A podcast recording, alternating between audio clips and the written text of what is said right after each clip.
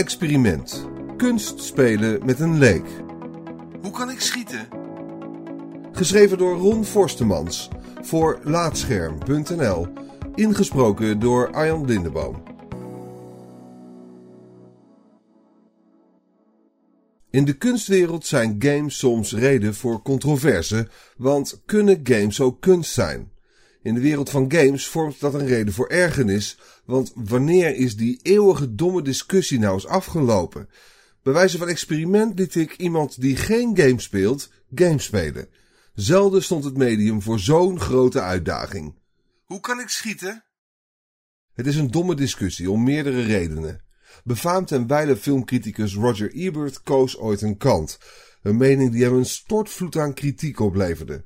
Laat me dit zeggen, schreef Ebert. Geen gamer zal op dit moment lang genoeg leven om mee te maken dat games een kunstvorm zijn.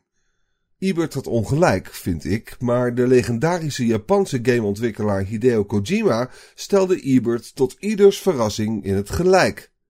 Zijn games kunst, dat ligt er blijkbaar aan wie je het vraagt. Iedereen interpreteert games anders. Een beetje zoals met, nou, uh, inderdaad, kunst.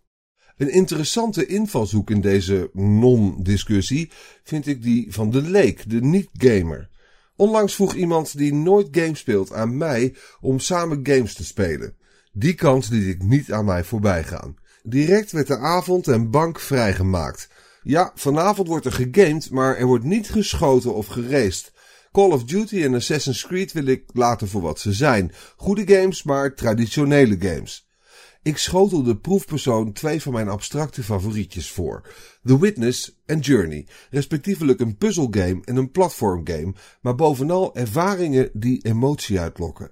Ze kunnen op meerdere manieren geïnterpreteerd worden. Wie twijfelt aan de waarde van games als expressief medium dat aanzet tot denken en voelen, raakt genezen na Journey en The Witness. Tenminste, dat was mijn theorie.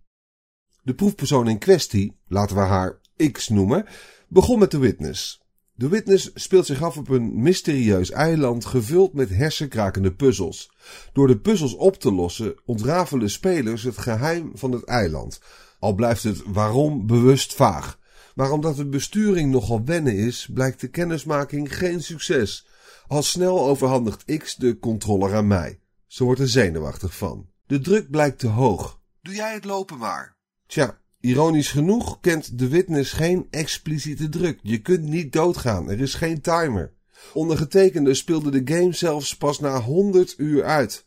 Ik zou daar korter over hebben gedaan. Ze vliegt door de puzzel, zeker die met geluid. Maar de witness is een te onhandige kennismaking, dus laten we het spel voor wat het is. Tijd voor Journey. Journey duurt geen tientallen uren, eerder anderhalf tot twee. De game geeft net als The Witness vrij weinig uitleg, maar dat is niet erg. Het duidt op een organische manier wat de bedoeling is. Als speler word je wakker in een woestijn. Op de achtergrond zie je een in de zon glooiende berg. De berg is overduidelijk de bestemming. Hoe je er komt? Door te reizen. Je surft over de duinen, maar af en toe kun je ook vliegen of zweven. De game legt niets puntje precies uit, maar X snapt de besturing meteen.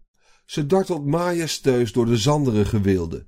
Dat doet ze niet alleen, maar met een compagnon van vlees en bloed.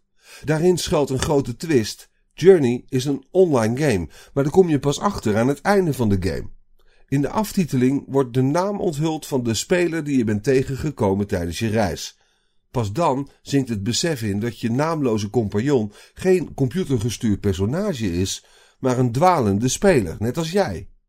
Die clue had ik verklapt. X heeft tijdens het spelen continu door dat de ander geen computergestuurd personage betreft. De compagnon krijgt een naam, Robbie. Er ontstaat zelfs een band. X voelt zich verantwoordelijk voor Robbie. Af en toe blijft ze wachten op hem en meer dan eens kijkt ze om zich heen, angstig dat Robbie kwijt is geraakt. Maar de compagnon, die later Arrowwave blijkt te heten, is even toegewijd als X. Het duo blijft continu bij elkaar. Robbie wacht zelfs op X bij de moeilijke platformpuzzels. Daarnaast wordt ook iets anders duidelijk. Robbie en ik hebben iets gemeen. We zitten onszelf te verbijten. Want net als ik heeft Robbie overduidelijk al vaker Journey gespeeld. Of überhaupt gegamed. X niet. X is met alle respect buitengewoon onhandig bezig.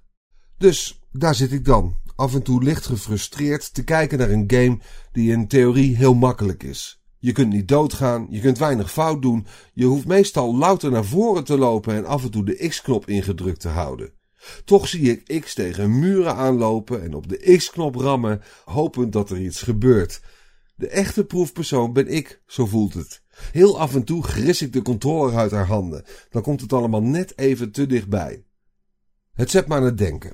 Kunst hoeft niet toegankelijk te zijn, maar of dit ooit gaat werken? Hoewel er op het scherm vaak niet gebeurt wat ik zou willen, zie ik wel iets groeien. Een besef. Uit de speelsessie komt steeds beter naar voren dat X snapt welke reis ze aflegt. Die naar de berg, maar ook die naar het begrijpen van een medium dat precieze input vereist. Ik ben alleen gewend om games als Assassin's Creed, Call of Duty te zien. Ik wist niet dat dit er ook was, zegt ze net voor het einde van de game. Ja, het is een struggle, maar X bereikt haar bestemming. Ze speelt Journey na 2,5 uur uit. Samen zijn we van ver gekomen.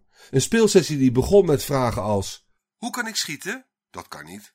En moet ik met hem vechten? Nee, dat is een pilaar en dat is een tussenfilmpje. Eindigt met vragen van een heel andere soort. Ben ik net dood gegaan? Betekent dit dat ik nooit geleefd heb? En wie was ik eigenlijk? Maar het meeste gerief haal ik uit de vraag of we dit vaker kunnen doen. Dit was echt prachtig. Later, als ze terugkomt van de wc, blijft het stil. X zit op haar telefoon. Ze heeft de betekenis van de game opgezocht. Volgens mij gaat het over een verloren oude beschaving. Leuke theorie. Misschien wel, misschien niet. Het is maar net hoe je het interpreteert.